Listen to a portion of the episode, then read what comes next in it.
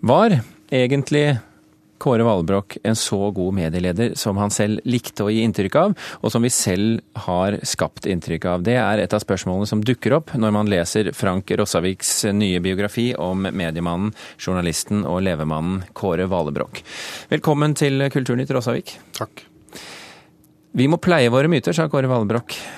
På hvilken måte pleide han mytene om seg selv?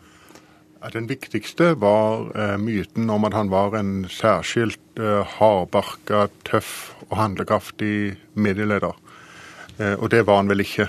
Han hadde sine, sine, svakheter, hvis man kan kalle det det. Han var en, en snill mann. Stor omsorg for sine medarbeidere. Han hadde konfliktvegring. Han hadde vansker med å ta beslutninger. Det førte til at eh, prosesser eh, tok for lang tid, eller de tok for kort tid fordi han tok, eh, tok beslutninger på intuisjon. Så det var de svake sidene. Men de sterke er jo, er jo også til stede i aller, i aller, høyeste grad. Og da tenker jeg på hans uredde, nyskapende tilnærming til journalistikk. Han omformer jo næringslivsjournalistikken både i Norge og i utlandet. Og, og han bygde opp, eh, bygde opp, eh, både Dagens Næringsliv og, og utenlandske aviser som, som, er livskraftige i dag. Dagens Næringsliv ville ikke vært den store og dominerende avisen som avisen er i dag uten Kåre Valebokk.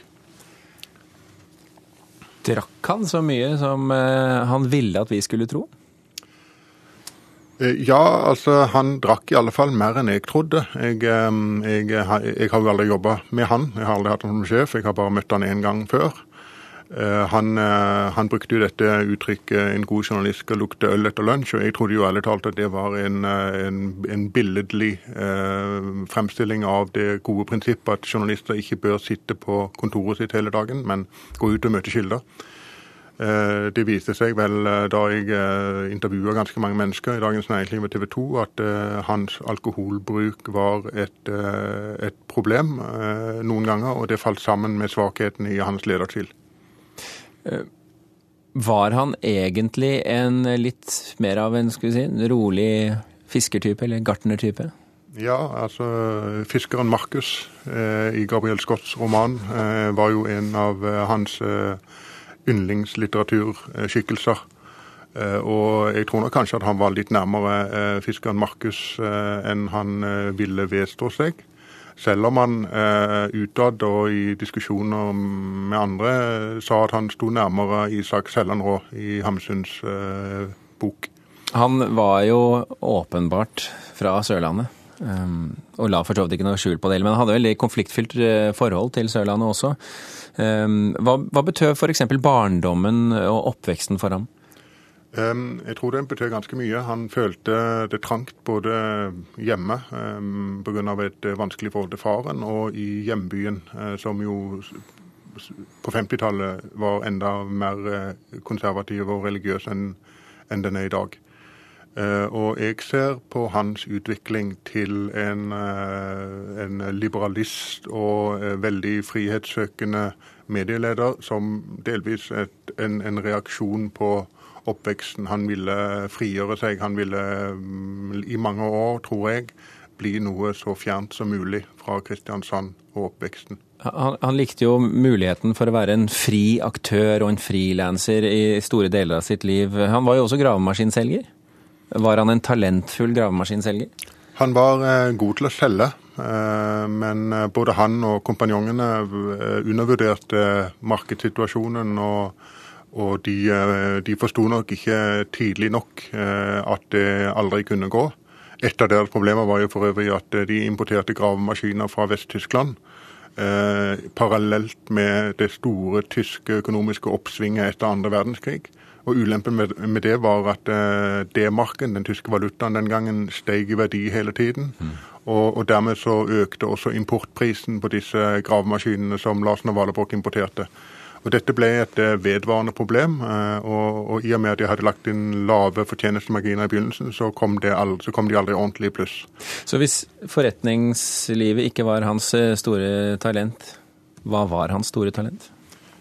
Han fikk i alle fall sin suksess som journalist, først og fremst. Eh, fra med han kom inn i VG eh, sent på høsten i 1979 og framover mot, eh, mot han kom, gikk videre til Dagens Næringsliv i 1985. Så var han eh, frilansjournalist for VG, for Økonomisk rapport, for Kapital, for kapital og, og sikkert for noen andre også. Eh, og da fikk han fram et, eh, et, talent, eh, både for å skrive og for å opptre uærbødig i møte med maktmennesker. Men var han altså litt av en sånn gründertype, da?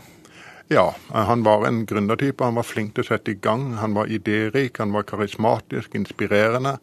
og så var han ikke så god til drift. når hverdagen kom, og når konfliktene kom, og når lønnsoppgjørene kom, så ble ting vanskeligere. Så det var kanskje ikke noe sjakktrekk av ham å gå til TV 2? Det, er, mm, det kan man kanskje lure på. Eh, I, eh, I, 1999, da dette skjedde, så var Kåre Valborg 58. Han hadde gått ganske grundig lei av Dagens Næringsliv. Han følte seg underbetalt. Eh, han fikk et tilbud i TV 2 som for det første ga bedre lønn. Jeg tror nok at det faktisk hadde en betydelig innvirkning. Og dessuten var det en ny utfordring med noe helt nytt som også, som også frista han. Eh, så eh, det er ikke så vanskelig å skjønne at han, eh, at han, tok sjansen på å prøve noe helt nytt. Og han var ikke noen fiasko som TV 2-sjef, men han, han, kom da inn i et helt annet miljø som han ikke hadde bygd opp sjøl. Og da ble det vanskeligere. Ja, Hvis du skulle gi han et slags terningkast da, for sin jobb i TV 2, hva ville, du, hva ville, det blitt? Nei, Jeg ville gi han en sekser for Dagens Næringsliv og en firer for TV 2. Eh, klarte han å takle kritikk? Altså, for han fikk jo en del etter hvert. Altså, En av de uh, opplysningene jeg har fått fra, fra kilder som uh, sto han nær, eller hans medarbeider, var at han likte ikke så godt kritikk. En av hans svakheter som leder var at han omga seg for en stor del med folk som sa ja, uh, og ikke utfordra han.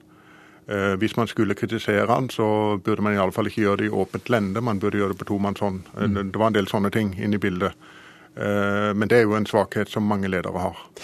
Så eh, Nå har vi jo vært bortom en del av hans eh, svakheter nå de siste minuttene. Rossavik, hvorfor ble han til tross for dette så høyt elsket? Det er et godt spørsmål. Både i Dagens Næringsliv og TV 2 møter jeg den, en, en, en, type mennesker som, som er veldig karakteristiske. De legger ut om Kåre Valevågs svakheter, og så legger de til at de elsker han. Eh, han hadde en karisma, han hadde en eh, lojalitet til sine medarbeidere, han hadde en evne til å inspirere som veide opp for alle svakhetene. Og Det tror jeg er kanskje en oppsummering av Kåre Valevåg. Frank Råsavik, takk for at du kom til Kulturnytt.